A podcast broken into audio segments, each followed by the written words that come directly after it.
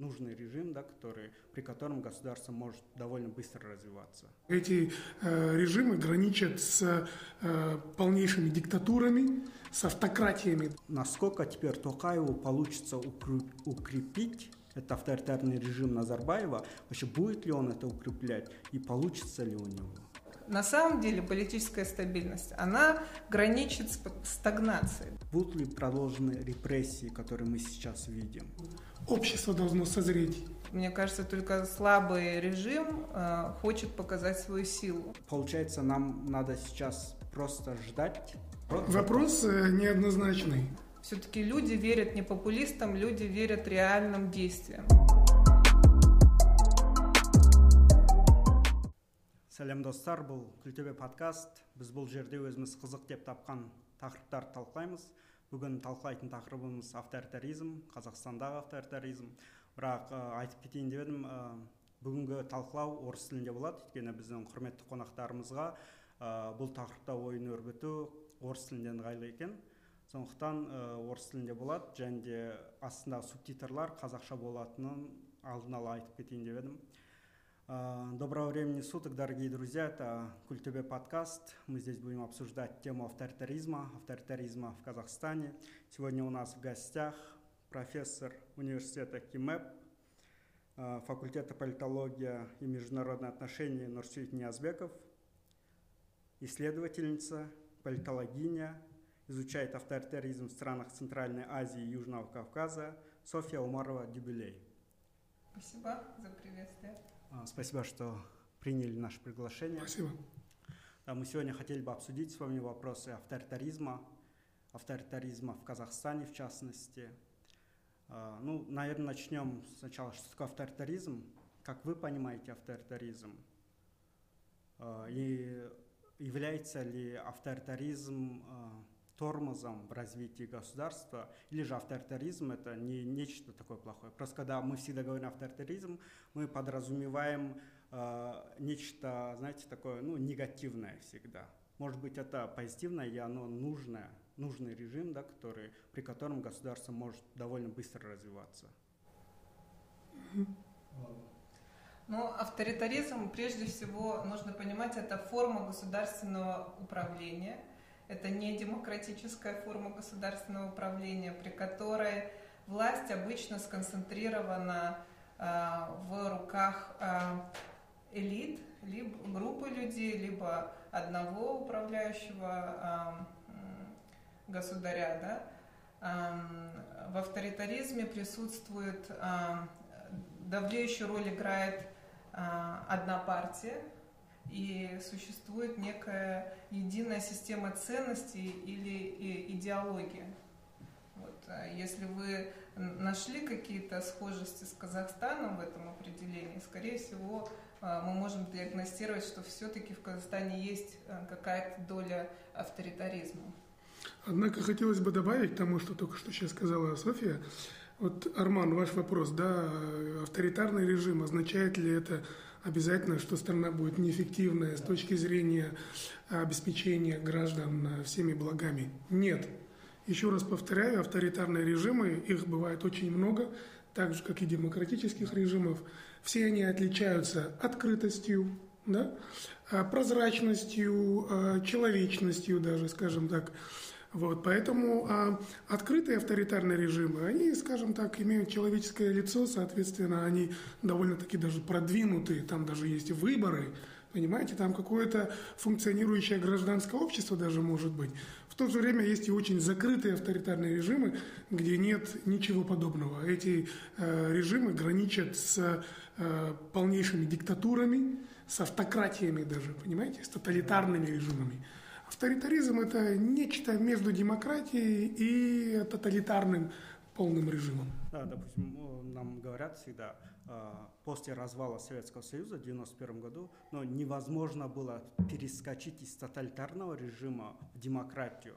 Авторитаризм здесь предполагался как такой переходный промежуток, когда мы должны были прийти в себя, а, нарастить немножко мышцы и потом уже плавно переходить а, к демократии. Вот, но у нас это случилось или нет? А, в политологии есть такой раздел а, изучающие вопросы демократизации. И это как раз сфера науки, которая занимается вопросами, как эффективно перейти из стадии авторитаризма в демократию.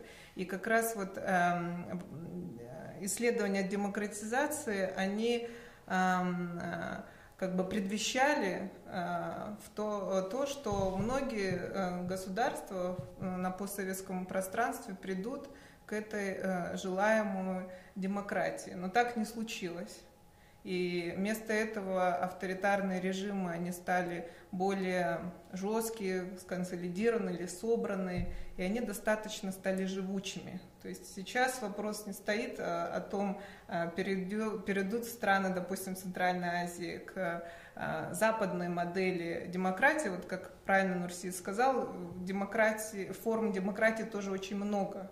А вопрос стоит в том, что делают эти режимы, чтобы оставаться на плаву, чтобы сохранять власть. Вдобавок также хочется отметить, вот есть одна теория из литературы по демократизации, о которой сейчас говорила Софья. А, действительно, вот э, согласно этой теории, на ранних этапах транзита от авторитарной к демократической системе правления а, некоторые авторы считают, что в стране необходим довольно-таки очень жесткий режим. Потому что на ранних этапах э, люди часто бывает, что у них нет традиции демократической. Соответственно, э, все будут тянуть воз в разные стороны. А в обществе еще не сформировалось гражданское общество, да, нет одного какого-то объединения или несколько объединений. Для того, чтобы спасти э, общество от утопания в болоте, в грязине, да, в этой трясине, в стране э, нужен какой-то сильный лидер или сильная партия, да, которая бы на ранних этапах держала бы все в ежовых рукавицах. Но это лишь одно из мнений. Конечно, есть э, люди, кто с этим не согласятся, посчитав, что откуда возьмется эта традиция демократии, если мы не будем людям э, воспитывать в себе и социализироваться да, в данной среде. А если мы не будем проходить этот путь, вот. да, методом проб и ошибок, если вот. мы не будем вот. набивать своих шишек. Uh-huh. Я хотел бы сказать об этом, что вот, допустим, мы говорим, будем, наверное, чаще говорить о Казахстане, да, это наша страна, это нас волнует. А, вот после 91 года у нас историки и политологи пишут о том, что до 2000 года в Казахстане была относительно ну, демократическая система, да, у нас были относительно конкурентные и честные выборы, у нас был ну, достаточно открытый и демократичный на тот период президент, да, первый президент Назарбаев, но после 2005 года уже э, политологи отмечают, что у нас начался застой. То есть у нас уже отсутствует политическая конкуренция, у нас начались преследования политических э, лидеров из оппозиции, политические партии начали закрываться. То есть у нас уже начал формироваться э, авторитарный режим, да, э, но тогда э, я хочу спросить о том, что вот у нас был лидер, который заявлял о демократии, но потом мы все-таки стали авторитарной страной. Почему э, правители не хотят выбирать демократический путь развития для своей страны, а вот стараются удержать власть у себя. Да, и мы здесь можем э, провести на типологию, дать анализ, э, мы, Казахстан является ли авторитарной страной вот в этой связи? Точно ли говорят политологи или нет? Есть очень много рейтингов, э, которые измеряют да, количество демократии в той или иной стране, среде, регионе. И вот по большинству из этих рейтингов в Казахстане нет демократии в западном ее понимании, да, олицетворяющими себя через выборы, через гражданское общество, гражданские права и так далее. В этом отношении, да. Но вы правы, в 90-х действительно Рано, конечно, говорить, что у нас была демократия. У нас было демократическое такое приоткрытие, да, скажем Зачатки, так. да, демократии? Да, да. Относительно сегодняшнего да. дня, наверное, да, конечно. много конкурентов. Я вот сказал бы, вот с 91 -го года, с момента обретения независимости, до конца 90-х, вот в этом промежутке у нас были какие-то намеки на то, что э, у нас, возможно, мы выстрелим, да, и э, станем островом демократии. Однако, вы правильно подметили, а мне кажется, этот переход случился к авторитаризму чуть раньше. А, я бы назвала переписывания э, и принятия второй конституции 95 года началом э, как раз-таки поворота в сторону авторитаризма, когда у нас из государство становилось суперпрезидентской державой, и президент э, получил возможность э, самостоятельно назначать Акимов области. Mm-hmm. И, и также вот я недавно изучала вопросы, связанные с медиа, и в медиа тоже, допустим, до 97 года было очень легко а, самому зарегистрировать а, а, любую а, передачу на радиоволне, например. Это было достаточно доступно, дешево и э, с точки зрения закона легко. Но в 1997 году этот закон изменился, и основать свое медиапространство стало очень сложно. То есть, вот, например, в медиа этот э, авторитаризм пришел в 97-м. С, с точки зрения большой законодательной власти, наверное, с 95-го такой слом произошел. Mm-hmm. Да. Ну, э, ну, то есть э, я говорю о том, что э, после там, 10 лет правления uh-huh. можно ли говорить о том, что э, правитель, да, президент, он почувствовал вкус власти, uh-huh. он почувствовал себя спасителем, то есть э, это первое. Сейчас не надо давать демократии, потому что сейчас ну, такой переходный период, и страну надо жестко держать и вывести ее ну, на рельсы дальнейшего развития. Это, скажем, такой оптимистичный сценарий. Если мы были бы оптимистами и думали бы хорошо о нашей власти, то эта теория бы работала. Однако стоит не забывать о том, что в 90-х годах, годах было подписано очень много договоров с нашими инвесторами.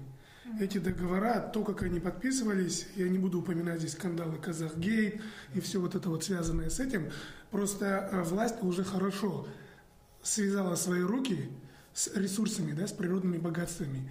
Они уже, скажем так, хорошо обогатили себя, поэтому им уже не было смысла продолжать демократические реформы, потому что демократические реформы означали бы прозрачность, означало бы судебную систему независимую, они бы потеряли бы все, что они приобрели не совсем законным путем в 90-х годах.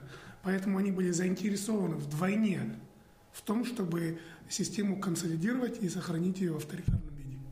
И другая интерпретация, возможно, которую сам э, Назарбаев пропагандировал, что давайте сосредоточимся, экономика в начале, потом политика. Давайте заживем вначале хорошо? Э, и э, будем проводить экономическую либерализацию, приватизацию и все остальное, а потом мы уже поговорим о более высоких свободах, о политических свободах, которые никогда не наступили. Э, и вот вы правильно заметили, э, что Назарбаев 90-х годов и Назарбаев начала 2000-х годов – это два разных политика.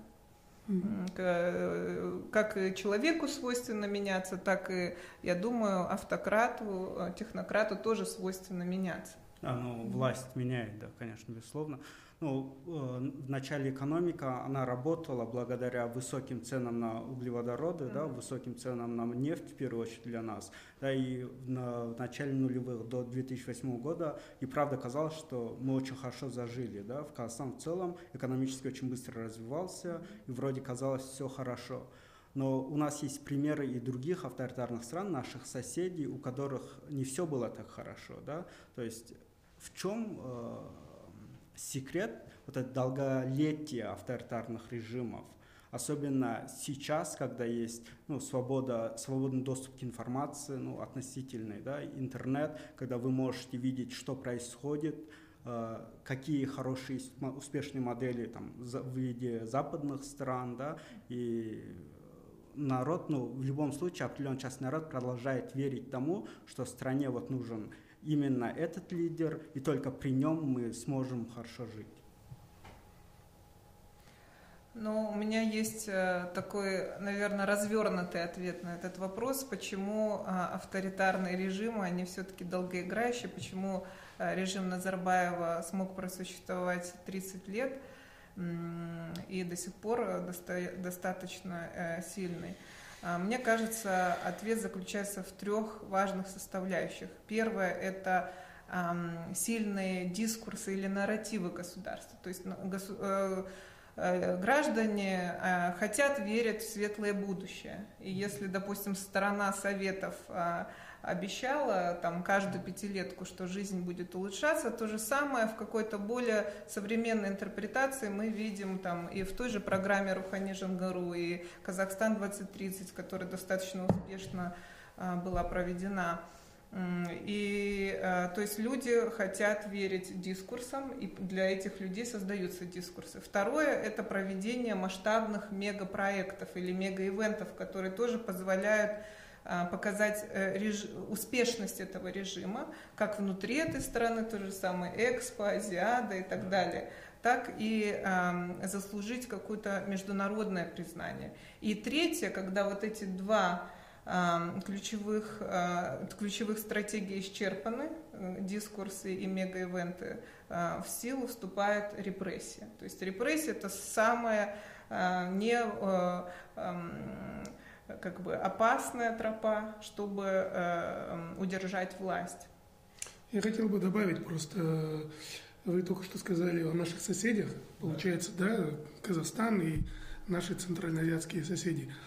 Тут видите еще в чем дело. Часто, когда посещаешь Кыргызстан, общаешься с местным народом, и некоторые часто вот говорят, вот у вас, мол, есть нефть, поэтому как бы, да, неудивительно, почему вы э, настолько нас опережаете. Потому что, объективно говоря, так оно и есть. Наличие природных богатств uh-huh. также говорит о существовании другой теории проклятия ресурсами – те ресурсы, которыми страны обладают, это могут быть не только центральноазиатские, много очень ближневосточных, африканских государств, да, странах, стран второго, третьего мира, они используют эти богатства для того, чтобы откупаться да, от народа, от запроса на перемены, поднимая зарплаты бюджетникам, а, пособия, да, проводя вот эти вот мега, э, мега различные события, как экспо там и так далее, да, тем самым у граждан складывается впечатление, что все замечательно, вот цена на нефть растет, в принципе, наши зарплаты тоже растут. Понимаете? Вот да, таким да. вот образом они дают народу выпустить пар, скажем так. Да, это понимаю, но Кыргызстан, наверное, в этой категории ну, самая демократическая страна, это ну, когда-то назвали островком демократии да, в Центральной Азии. А, ну, есть пример Таджикистана, да, да, ну, страна не особо богата природными ресурсами, а, достаточно, ну, относительно, наверное, даже нас бедное население, но при этом Эмуали Рахмон продолжительное время тоже порядка... За счет репрессий. Как только что София сказала, есть три столпа авторитаризмов, да? Это легитимизация, через выборы, через вот эти различные мега а, события. Второе – это репрессии. Если не получается так, они будут опираться на другой а, ножку стула, да, через репрессии. И третье, это идет кооптация. Они начинают выкупать, подкупать оппозицию, там, предлагают им замечательные посты там, да, на службе. И все. Вот они, три столпа, на которых держится стабильность авторитарных режимов. А, ну, это для внутреннего населения. А для внешних партнеров – допустим, есть западные страны, которые всегда э, выступают за развитие демократии, но после выборов, президентских, парламентских выборов, кроме озабоченности, ну, ничего не высказывают, да, то есть главы этих авторитарных режимов остаются, ну, если так сказать, рукопожатными, их принимают, да, на Западе, в Белом доме, в Букингемском дворце, то есть они абсолютно легитимные правители, хотя и в прессе их могут осуждать да, на Западе. То есть э, в чем секрет? То есть Запад не заинтересован же в развитии демократии, получается? Почему это не заинтересован? Очень на это тратится столько, да. столько миллиардов долларов ежегодно. Просто это уже вопрос геополитики. И суверенитета этой страны, да, то есть Э, несмотря на то, что западные державы могут проспонсировать какие-то демократические программы, инициативы, поддержать гражданское общество в том же самом Казахстане, они не могут вторгаться во внутриполитическое устройство страны. Это первый момент. А второй момент, мне кажется, всегда есть обещание от Казахстана, что мы еще молодая демократия, пощадите нас. Мы либо азиатский вид демократии, либо у нас своя своеобразная демократия, как мы Нет, ее да, понимаем. Да. Извините, что перевел. Я имел в виду то, что это же тоже один из пунктов легитимизации своей власти. То есть, смотрите, я встречаюсь с президентом США. Смотрите, есть, я стал председателем ОБСЕ. Да, смотрите, я председатель ОБСЕ, я встречаюсь с руководителями ведущих держав, и все нормально, да, mm-hmm. то есть никаких претензий нет, да, выборы, то есть mm-hmm. это для внутренних тех, кто говорит, что ну, выборы были э, нечестными, победили за счет фальсификации, то есть это же всем им очень четкий сигнал. Да, но ОБСЕ, например, систематически публикует, что выборы и парламентские, президентские в Казахстане, они были проведены не демократическим путем, да, то есть а, тоже вот эта вот градация лжи, она существует. Да? Другое дело, ЦИК посмотрит ли а, на данные а, ОБСЕ или нет, это другой вопрос. Mm-hmm. Да. То есть это как некая игра, и э, игра на, на, на разном уровне. Но вот я занимаюсь тоже Азербайджаном, и в Азербайджане интересный тоже был опыт, называемый эм, так, а, и эм, демократия... Э, икорная так, демократия. Икорная демократия. Осетровая. Это, осетровая демократия. Э, это история о том, как азербайджанское правительство очень сильно хотело стать частью Совета Европы. И они, э, вот как э, говорил Нурсид, кооптировали, то есть они покупали разных европейских, им платили тоже э, как, деньги для того, чтобы они лоббировали их, чтобы они сказали, что Азербайджан впереди планеты всей, демократическая страна, и в конце концов как бы получили этот статус, э, вошли в состав Европейского Совета, что является достаточно престижным для такой республики Южного Кавказа, как Азербайджан. Но это э, большой репутационный ущерб э, самому Совету Европы, да, которые, члены которого принимали эти подачки. Да. То есть, э, мне кажется, ситуация не такая черно-белая, как она кажется, mm-hmm. да, и на Западе не все так а, хорошо с демократией, как, как это кажется из а, Казахстана. Кроме этого, стоит не забывать, что у Запада также есть своя теневая повестка. Да. Они не могут, у них свои экономические интересы, да, свои интересы в сфере безопасности. Поэтому а, заставлять страну становиться демократией тогда, когда это не очень выгодно национальным интересам западного государства, это, естественно, будет неразумно. А, другое дело ссылки э, Нурсултана Назарбаева на то, что какой прекрасный был авторитаризм в Сингапуре, и как он э, великолепно работал, он тоже не может работать э, в, условиях, в наших условиях. Почему? Э, потому что в Сингапуре очень сильные политические институты на которые может опереться власть, если э, и может поспорить с президентом и, и, и достаточно серьезное э, техническое развитие государства. А, в Казахстане а, все а, совсем по-другому. И наши политические институты, они скорее выполняют как бы услужливую функцию аппарату президента или самому президенту, не являясь независимыми игроками на политическом поле. Ну да, а, Назарбаев довольно часто апеллировал к опыту Сингапура, mm-hmm. Турции, да, при Ататюрке, то есть когда Турецкая республика только 1923 mm-hmm. года, да, апеллировал к Японии, когда правящая партия довольно долго, десятилетиями находилась у власти, он объяснял их успех именно вот этой политической стабильностью. Но вы правильно говорите, что в этих странах в этот период была развита система сдержек и противовесов, чего у нас не произошло. Mm-hmm. То есть у нас э, страна, по сути, не была готова к уходу Назарбаева. Да? Э, и мы не понимали, то есть как после ухода, полного ухода Назарбаева должен был появиться другой, такой же лидер, который сможет это удержать. Да? И вот январские события произошли, и Токаев ну, получил всю полноту власти, он у нас верховный главнокомандующий, он у нас председатель Совета Безопасности, председатель партии Нуротан, президент, суперпрезидент, да, его полномочия. То есть у нас, э, я хотел бы спросить у вас, э, насколько теперь Токаеву получится укрепить этот авторитарный режим Назарбаева, вообще будет ли он это укреплять и получится ли у него? У нас вот всегда а, на повестке подавали политическую стабильность как некую очень позитивную концепцию. Да. На самом деле политическая стабильность, она граничит с стагнацией. Да? И вот что произошло? Токаев является преемником или назовем это помазанником Назарбаева. То есть он эм, выступает как неким гарантом стабильности именно режима Назарбаева. И январские события, да, они немножко поменяли э, структуру власти, да, и расстановку сил. И сейчас, мне кажется, э, очень важный момент, сможет ли Такаев как независимая фигура, да, удержать власть, э, провести э, реформы, в том числе и экономические, и демократические реформы, да, с той командой, э, которая на него формируется сейчас. Сможет ли он от, отречься от назарбаевского наследия? Да? Это сложное достаточно наследие. Вот.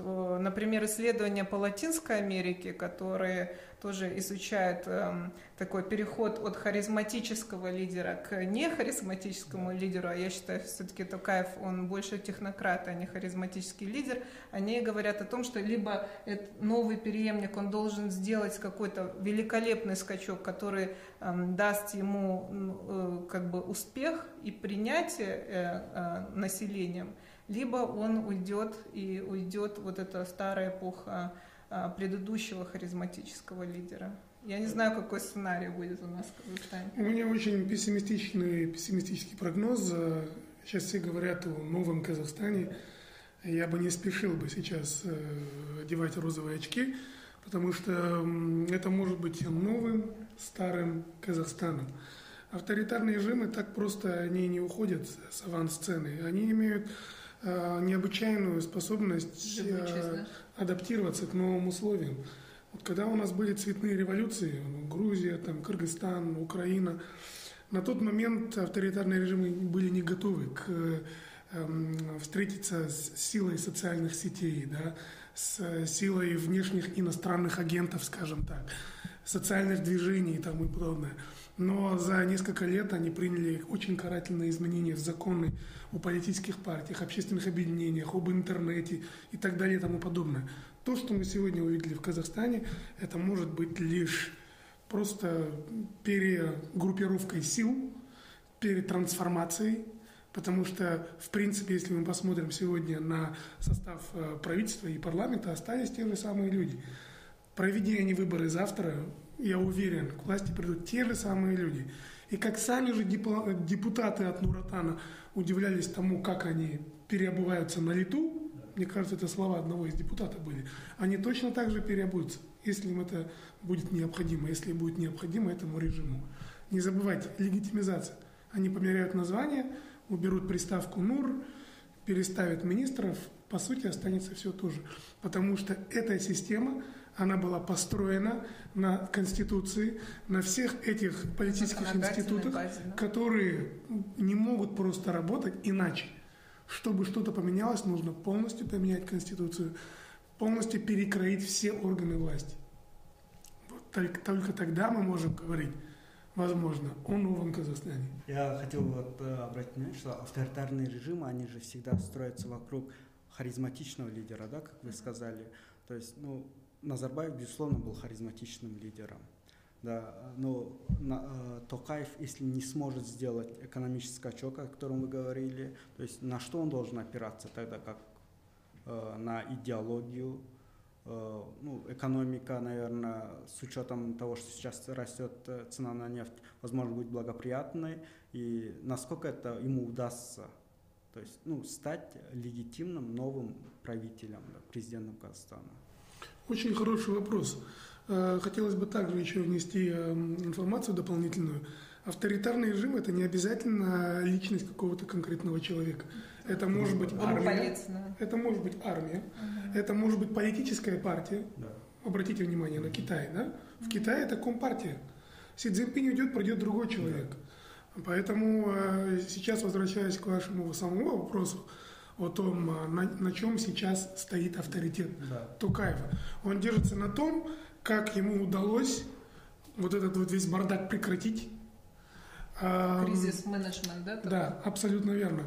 А также на нем а, его авторитет держится также на, скажем так, э, поддержке, которую ему оказывает не граждански активная часть населения, а спящая часть населения, для которых он замечательный управленец, для которых он сохранил стабильность, собственно говоря, да. Вот. Но, естественно, люди разочаровались в самой партии Нуратан, поэтому говорить о том, что Нуратан является его основным столпом, опорой, нет, об этом говорить не приходится.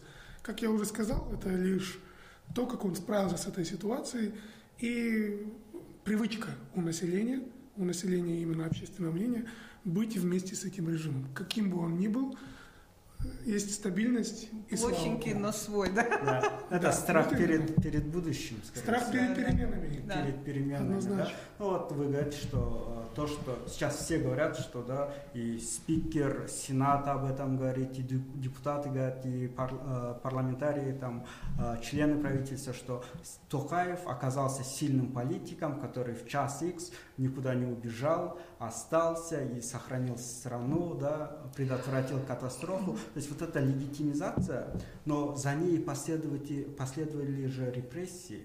То есть сеть заполнили десятки просто видео, фото, фактов э, истязаний людей. То есть это начались репрессии. Может, мы можем уже об этом говорить, да, когда есть факт, десятки фактов, что начались да. репрессии. То есть вот как это сыграет а, ну вот то, о чем вы говорите, это называется, наверное, формирование нового культа личности, да, и можно поменять просто название, поставить имя другого человека и опять начать на него молиться. Другое дело, а, ну вот очень интересная мысль о том, что тот политик, который считает, что он останется в историю, он не будет строить свои монументы, да, и вот, к сожалению, настолько здесь вот Э, такое короткое планирование в этом политическом поле, что мы не можем э, предвидеть, что будет завтра, да, и, возможно, там через э, пять лет эта ситуация изменится, и эм, все повернется по-другому, придет некий Хрущев, который будет развенчивать культ личности Сталина, да, и начнется политическая весна. Скорее всего, политическая весна не начнется с подачи Такаева. Это уже было понятно на встрече партии Нуротан, что как бы он тоже в глазах общественности а, поддержал своего а, наставника, да. От переменной слагаемых сумма не поменяется. Угу ни в коем случае. Поэтому, как только что София сказала, возможно, культа как такового не будет, тем самым а, режим просто переоденется, да, и ответит на те запросы, которые уже в обществе были последние несколько лет. Не будет больше э, проспектов Назарбаева, там и какие-то другие у нас там были. Вот популизм, сейчас о нем все очень да. много говорят. Вот такие вот очень популярные меры, они на какое-то время Казахша дегенде куз буя ушылык да, они просто немного смажут тона, краски и все. И общество продолжит дальше жить в этом русле. И мне кажется, то, как Токаев правильно выстоит в этом новом геополитическом кризисе, связанном с Украиной, тоже покажет его как бы э, роль как политика, да, Угу.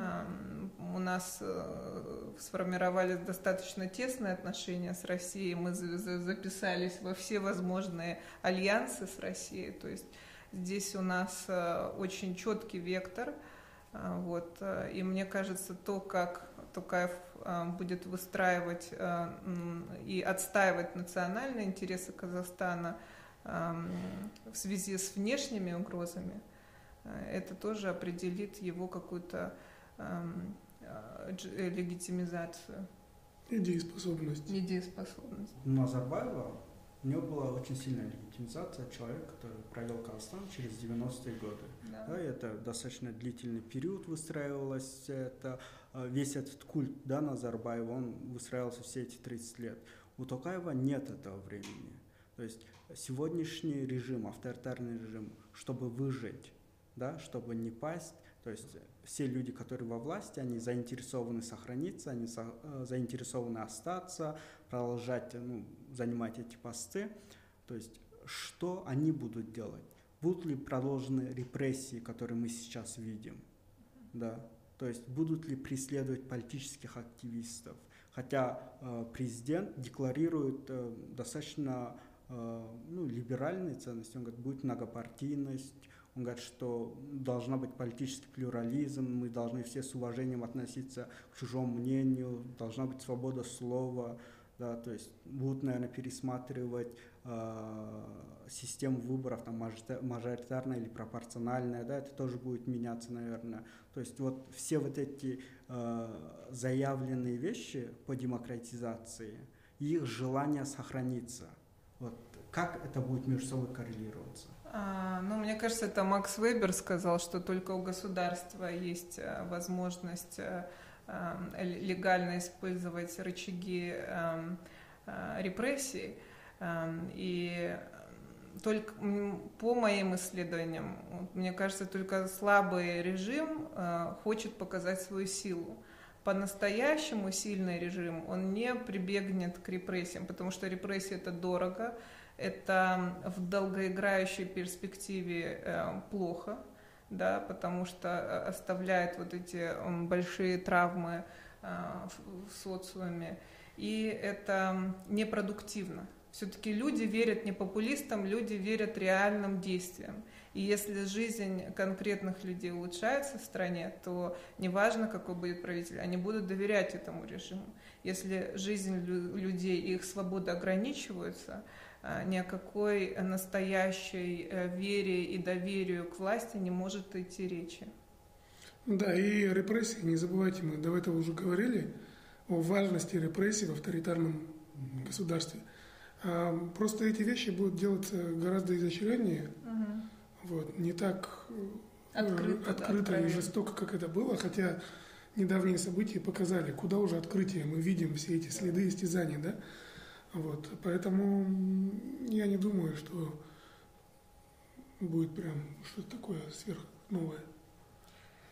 Репрессии они могут только удержать ускользающую власть, но они не могут создать, то есть репрессии ты не можешь заставить население полюбить себя как политического лидера, но ты можешь а, а, как бы постараться а, завла, а, как бы завладеть этой властью и не, не, не лишиться ее. Ну, то есть вот, вот эти два года до выборов, может быть, будут досрочные выборы, вот до этот период удержаться, чтобы, чтобы удержаться, можно будет использовать репрессии, так ли? Или можно будет подкупать население? И то, и другое. Почему бы и нет?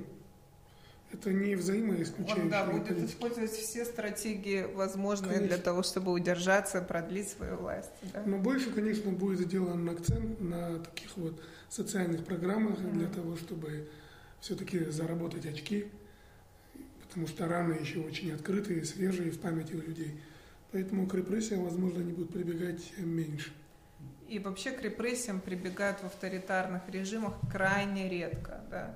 А, это большое заблуждение считать, что авторитарные режимы выживают за счет репрессий. Репрессия – это последняя инстанция, которую применяют авторитарные режимы, чтобы удержать власть. О а вот этих всех, так скажем, пытках, да, которые сейчас происходят в стране, мы узнаем посредством интернета же, потому что ну, СМИ, оно по большому счету государственное, да, там нам не дают всю информацию. Вот. Как теперь э, государства, авторитарные страны в частности, как используют э, современные технологии, как они работают в, интернет, в интернете, в социальных сетях, да, чтобы создавать э, картинку законности да, своей деятельности, как легитимизируется в социальных сетях. У них у всех есть свои странички, они очень активно реагируют на всевозможные петиции. Они в курсе всего этого. Я думаю, аппарат президента в целом и правительство, они мониторят ситуацию. Иногда бывает, что они даже прощупывают настроение общественные через всевозможные вбросы, так называемые. Да? А для этого существует очень много политических технологий, опробированных и на Западе. Как бы все это у них есть, весь арсенал все это у них есть. Просто у авторитарных режимов, ко всему прочему, есть карт-бланш на прослушку и вот эти технологии да, слежения. А все это используется, как они говорят, во благо общественной безопасности, но мы-то с вами прекрасно знаем, что это очередной ресурс, которым они пользуются для того, чтобы продлить свою жизнь и э, набраться очков. Да, и предотвратить любой назревающий конфликт, если они mm-hmm. видят, что он формируется в социальных сетях, то есть это все. И, и последнее исследование называется Пегасус, очень четко показало, что а, за всеми активными политическими активистами или независимыми журналистами в Казахстане ведется слежка и, и мобильных данных, и, и интернет-данных. Может же быть этот реакция на хайп. Кто, кто громче кричит, они будут решать их проблемы, говорят, что вот мы решили вашу проблему, но системных изменений по большому счету не будет. Ну, если вот вернуться обратно к январским событиям, мне, мне кажется, что как раз-таки государство немножко проиграло э, вот информационную повестку, потому что когда уже э, интернет появился у людей, и люди стали смотреть на другие источники информации, понимали, что та картинка, которую мы лицезрели по Хабар-24, это не вся история, о которой мы узнали, она намного глубже и, и более сложная, и, и даже мы знаем, что были э, и фейки, да, э, люди начинают критически мыслить. В этом плане. Интернет-пространство позволяет Э, хотя бы достучаться до каких-то э, зерен правды. Э, вот. И не зря, мне кажется, и даже этот подкаст, он будет выходить на да. пространствах YouTube, а не на государственном телеканале. И не забывайте, что госсекретарь, советник президента, они тут же появились в публичном пространстве. Тукаев лично как минимум два раза уже появился, да? да? Конечно, не совсем то, как этого ожидали правозащитники, но тем не менее они пытаются быть на виду, то есть они используют все эти э, выходы к обществу так же, как используют это и блогеры. А у меня еще такой вопрос. У нас вообще весь разговор э, ну, несет такую атмосферу, как будто авторитаризм это что-то очень плохое. Может быть, э, есть примеры стран, где авторитаризм, правда, стал таким начальным шагом к развитию общества в стране, э, к достижению каких-то больших успехов. Вот вы недавно приводили в пример Сингапур. Сингапур является прям ярчайшим примером которому прибегают все диктаторы абсолютно, говорят, что вот мы скоро заживем, потерпите немножко, скоро все будет, нужно немного напрячься, нужно немного позабыть о своих политических амбициях и мечтах. Вот. Но помимо Сингапура есть и другие примеры, когда, собственно, сами жители этих авторитарных стран не желают никаких демократических перемен. Тут имеет э, силу э, культура, э, теория политической культуры – который говорит о том, что иногда бывает отсутствует сам запрос к демократическим преобразованиям со стороны общества. Получается, что мы видим с вами совпадение или э, совместимость авторитарной политической культуры и авторитарной формы правления. В таких случаях они друг в друге нуждаются. Соответственно, люди будут любить свой режим, каким бы он авторитарным ни был. Возьмите тот же Ирак, возьмите тот же, ту же Ливию, да.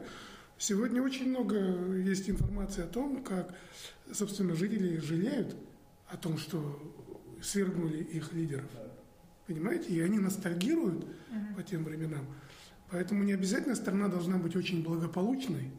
Она будет, э, возможно, в экономическом плане отставать находиться где-то в стороне, ну, в категории стран третьего мира, но при этом, если мы посмотрим на рейтинг счастья в мире, они покажут вам колоссальный уровень счастья и удовлетворенной жизнью, потому что это их быт, это их традиции, это их культура, и именно по этой причине в некоторых э, восточных странах э, появляется вражда к Западу и к западным ценностям, угу. потому что люди понимают, что та же самая демократия несет за собой и плюрализм, и толерантство, и права секс-меньшинствам, и, и все, все, все, все, что Полный с этим связано. пакет демократии, да? Ну, что может достаточно враждебно быть, да, для их культуры. культуры. Да. Вот именно. Ну, э, ладно, Ирак, Ливия – это страны, которые пережили войну.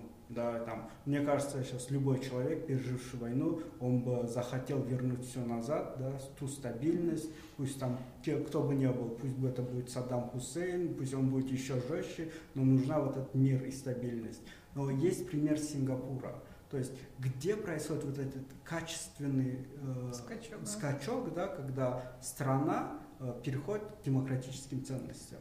Ну, мне кажется, я бы привела в пример другую группу стран. А, это э, страны Балтики, да, э, как некий, это, наверное, не классический э, пример успешных стран перехода от э, какого-то тоталитарно-авторитарной формы государства в демократическую, но тем не менее, э, это вот какой-то такой формат а, проевропейской эм, формы демократии. Я не знаю, если вы были, допустим, в Эстонии или в Латвии, вы видите, как эм, э, э, в Эстонии очень э, эффективно работает государство посредством как раз e-governance. Да, все, что является приложением в сфере госуслуг онлайн, там великолепно работает, развивается робототехника, Э, экоактивизм и так далее, и так далее. То есть это вот примеры таких современных эм, демократизирующихся государств, э, которые были родственны нашим странам, но сейчас имеют другую судьбу. Ну, то есть скачок, он зависит ли от личности правителя? Был ли Куан?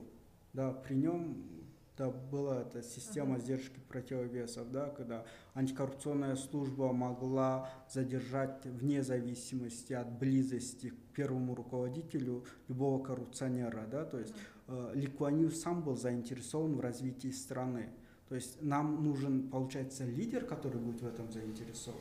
Тут тоже много есть теорий. Одни теории говорят, что инициатива должна исходить сверху, да. топ-даун, да, так скажем. Для этого нужно, чтобы лидер был э, искренне верен демократическим преобразованиям. Вот, например, в Чехии Вацлав Хавел, да. когда он пришел к власти, он всецело верил в это, и он принес за собой демократический прогресс. А, есть другие теории, которые говорят, что запрос должен идти снизу, общество должно созреть. Я недавно приводил в пример культуру политическую. Кто-то говорит, что для этого нужен действительно экономический прогресс, экономическое развитие. В стране должен, должна появиться частная собственность, защищенная. В стране должна появиться образованная элита, да, должен, должен появиться средний, средний класс. класс. Видите, теорий очень много. Вот э, в Сингапуре люди давно уже к этому созрели. Но власть не заинтересована в этом. Поэтому они упираются как на репрессии, так и на другие механизмы для того, чтобы сохранить эту авторитарную оболочку. Хотя при жизни еще сам отец нынешнего президента Ли Куан Ю говорил, что мое дело, моя миссия была, да, принести экономическое развитие и блага этим, этому народу, чтобы они в будущем могли уже ни в чем себе не отказывать и уже жить в демократической свободной стране. Однако, когда он ушел, его последователи не принесли с собой демократические преобразования. Поэтому эта теория тоже имеет под собой очень много противовесов. Э, ну, я понимаю, что демократия, ну, само по себе, это не панацея, да, может быть, демократия э, и вправду может навредить стране, да? Запросто. Ну, легко, да, мы то, что вы только что приводили примеры Ливии, Ирака, mm-hmm. да, то есть мы не знаем, какие потрясения могут случиться. К тому же, там, вы говорите о частной собственности, то есть, ну, у нас не защищена, да, частная собственность. Мы сейчас не говорим про одну квартиру или дом, мы говорим про бизнес, да, он у нас не защищен. Э, мы, есть факты рейдерства, да, о которых сейчас начали говорить. У нас нет достаточного количества среднего класса еще. У, у нас не было этой культуры. То есть, получается, нам надо сейчас просто ждать. То есть население, сейчас в Казахстане э, после январских событий есть запрос да, запрос на изменения, на демократизацию, на честные выборы, э, на создание партии, своего волеизъявления. То есть не приведет ли это все к хаосу? Да, и, и наша власть этим, и нынешняя власть, и предыдущая власть, да, хотя она одна и та же, она нам говорила об этом, что будьте аккуратны, У нас вот на севере есть сосед, который отхватил Крым, да, у нас есть северные территории, там есть Большой Китай, здесь есть э, мусульманский мир, Афганистан, да, в частности, где достаточно все неспокойно. Нам сейчас ну, нужна полная консолидация и стабильность. Может, нам надо опять продолжать вот консолидироваться вокруг нового президента и жить, по крайней мере, вот в, при этой стабильности. Ну, мне кажется, вот мы начали разговор сегодня с того, что нет э, в классическом понимании чистых режимов, которые авторитарные, и чистой демократии, наверное, тоже нет. Мы больше эм, придерживаемся какого-то пути гибридного формата, где есть и признаки демократических просветов, и авторитарные тенденции. Да? Авторитаризм – это прежде всего про вертикаль власти – если эта вертикаль власти действительно действует как слышащее государство, государство, которое заботится о своих людях, то это, наверное, то государство, в котором каждый из нас бы хотел э, жить. А, но если это государство, в котором маленькая группа элит озабочена только своим выживанием а, внутри этой власти и собственным обогащением, а, и э, по большому счету ей все равно на то, как живут э, большинство людей, то, наверное, это то государство, в котором никому бы из нас не было хорошо и тепло и свободно. А, вот. А, мне кажется, что выбор здесь как и эм, системные изменения, так и э, какое-то общественное должно созреть общество тоже для таких преобразований. Отвечая на ваш вопрос, созрели ли мы, да, да готовы как ли как мы? мы поймем, что вот народ... Вопрос готов? Э, неоднозначный, потому что он может э, э, быть отвечен каждым человеком по-разному. Это, тут нет да. теории, да, мы очень много говорили о теории сегодня, нет теории, которая бы сказала бы, или нет рейтинга, который сказала бы, что Казахстан, опа, провели какую-то математическую формулу, они, мол, готовы. Такого нет. Мы имеем дело с, полити- с политикой, с миром политики. А, тут чисто вопрос мнения. Например, лично мое мнение, я бы так сказал, что если мы будем и дальше ждать, то у нас также не выработается культура мирного протеста, например. Да? Мы также будем дальше э, заниматься попустительством и позволять э, олигархам обогащаться, выводить капитал из страны, да? потому что не будет свободных СМИ, потому что не будет запросов, не будет мирных митингов и так далее. Вот. Но а, с другой стороны, к сожалению, а, есть и такая беда, что действительно определенный сегмент нашего общества, он а, довольно-таки еще маргинален. Это как дать гранату мартышке, да? Потому что э, это проблема всех молодых демократий. В стране, где еще не сформировалась культура выборов, да, тех же самых, культура свободы слова, то есть мы должны говорить открыто, при этом мы должны уважать чувства другого человека, да, и так далее. Культура, например, журналистская этика. Журналисты некоторые, возможно, не умеют писать так, чтобы не обидеть, не задеть чувства какого-то другого человека. Да? Должны быть какие-то этические соображения. Все это несет с собой э, вот, демократические ценности в целом, да? западные ценности. Вот. Но тут некоторые скажут, что они никогда не при, приживутся в этой стране. Такое тоже есть мнение, да. Но как до этого сказала София, нет идеального белого, идеального черного. Демократия это не точка назначения, это процесс. Это путь, да? Да, это процесс. Э, тяжело, мы не можем сказать с вами, что есть какая-то уже идеальная демократия в мире. Есть страны, которые чуть выше, чуть ниже в рейтинге демократии. Поскольку, постольку сами граждане этой страны довольны своим правительством, да, своей политической системой, своими жизнями, мы можем говорить о том, что все замечательно. И пусть, если она даже и не будет демократией, пусть она будет отставать очень сильно, но если в этой стране не нарушаются права человека, если люди довольны своими жизнями, то почему бы и нет? Какой бы это э, режим ни был. Понимаете? Вот мое мнение. Я хотел сказать о том, что ну, последние события показали, что запрос есть на изменения. Если власть будет готова а, хотя бы немного пойти навстречу людям, дать э, небольшой хотя бы пакет да, реформ, политических изменений, то страна вполне возможно будет развиваться вот в этом же русле. Или она ну, будет качественно другой уже. Это очень тяжело на это сейчас сказать, потому что, как я уже говорил, они могут а, все это преподносить в другом свете. Поэтому даже сейчас, если я дам очень положительную оценку их э, предполагаемым предпринимаемым мерам, я могу ошибиться. Здесь очень много места для спекуляций. Вот. Но в целом, да, мне как человеку, лично как гражданину этой страны, хотелось бы видеть побольше реформ. И мне не хотелось бы, чтобы, вот как вы только что сказали, дадут немножко там реформ. Нет, время уже прошло.